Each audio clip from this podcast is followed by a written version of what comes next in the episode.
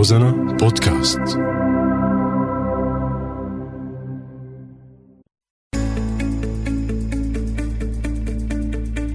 سوريات. كافحوا وبإصرار واجهوا حياتهم ومشاكلها. ليكونوا علامة فارقة. تعالوا نسمع قصصهم وهن عم يحكوا لنا كيف تجاوزوا مصاعبهم وحققوا هالنجاح. أنا بارعة صلاح عمري 34 سنة من سوريا دمشق. آه، الإقامة الحالية في لبنان البقاع منطقة شتورة. آه، بشتغل بمدرسة الأوائل معلمة KG 3 بصراحة أنا اللي خلاني إني أشتغل بمجال التعليم وأنا دراستي آه، تجارة واقتصاد محاسبة. إني أنا وقت إجيت على لبنان حسيت إنه كتير الطلاب أو الأطفال انظلموا بمجال التعليم. يعني هن في ما أخذوا فرصتهم في كتير عالم ما درست ما فاتت على مدارس ابدا. من وقت طلعت من سوريا هي شبه أمية. هذا الشيء اللي خلاني أفوت مجال التعليم بصراحة. آه، أنا جمانة ملكة. أنا مشرفة بالمدرسة اللي بتشتغل فيها بارعة. عندها قدرة جذب. الأولاد بحبوها يعني بدرجة كتير عالية عن جد من المميزين عند الأولاد في أولاد حتى بس تجي لتظهر من الصف بصيروا بدهم يلحقوها ويروحوا معها. أول فترة كانت كتير صعبة ف يعني كنت عم ببحث على شيء إني بلش فيه ناس حكوا لي إنه في مركز هون اسمه نساء الآن. الصراحة المركز كتير أضاف لي لشخصيتي. هلأ أنا شخصيتي قوية بس ما كان عندي هالمهارات اللي أقدر أوظفها بالحياة العملية. فمن خلال القيادات والبرنامج اللي نحن عم نتابعه من خلال الورشات الدورية وهو كونه آه، لنساء رياديات فهو بيعطيك المهارات اللي بتقدري انت تلاقي حالك بمجتمع غريب عنك وقفتي لوحدك تقدري تقاومي تقدري توظفي هالامور اللي انت اكتسبتيها بالحياة العملية وبسوق العمل.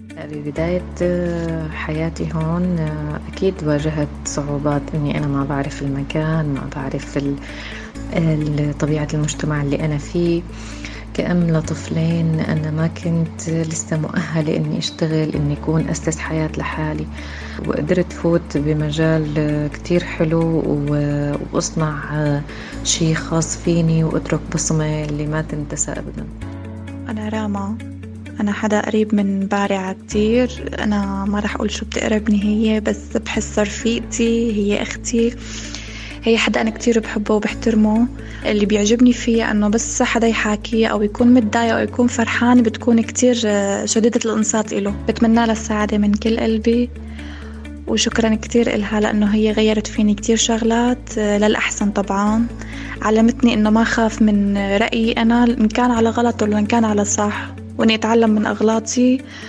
من دون ما حدا يقيمني أنا بقيم حالي. كتير تغيرنا النساء السوريات كتير تغيرت صار في عندها وعي صار في عندها مسؤولية أكتر صارت تعرف تدافع عن حقوقها. ما رح ترجع مثل الأول. متأكدة إنه نحن ما رح نقبل ب إنه نرجع نقعد بالبيوت ونكون مرأة بس ربة منزل. بالعكس نحن بالمرحلة اللي جاية نحن حنكون آه العنصر الأساسي اللي بده يبني سوريا الحديثة. أنا يحيى زميلة لبارعة بالشغل. بارعة كإنسانة كتير لطيفة صاحبة هدف ونشيطة جدا. بحب أقول لكل مرة قاعدة بالبيت وما عم تعرف شو صاير برا إنه لا اطلعي طوري بحالك. لأنه إذا أنت تطورتي رح تتطور تربايتك لأطفالك رح يصير في عندك مهارات رح تصيري تشوفي الدنيا غير.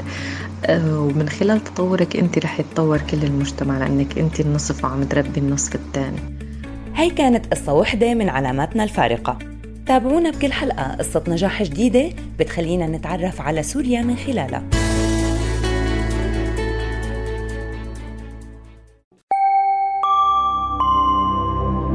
روزانا بودكاست.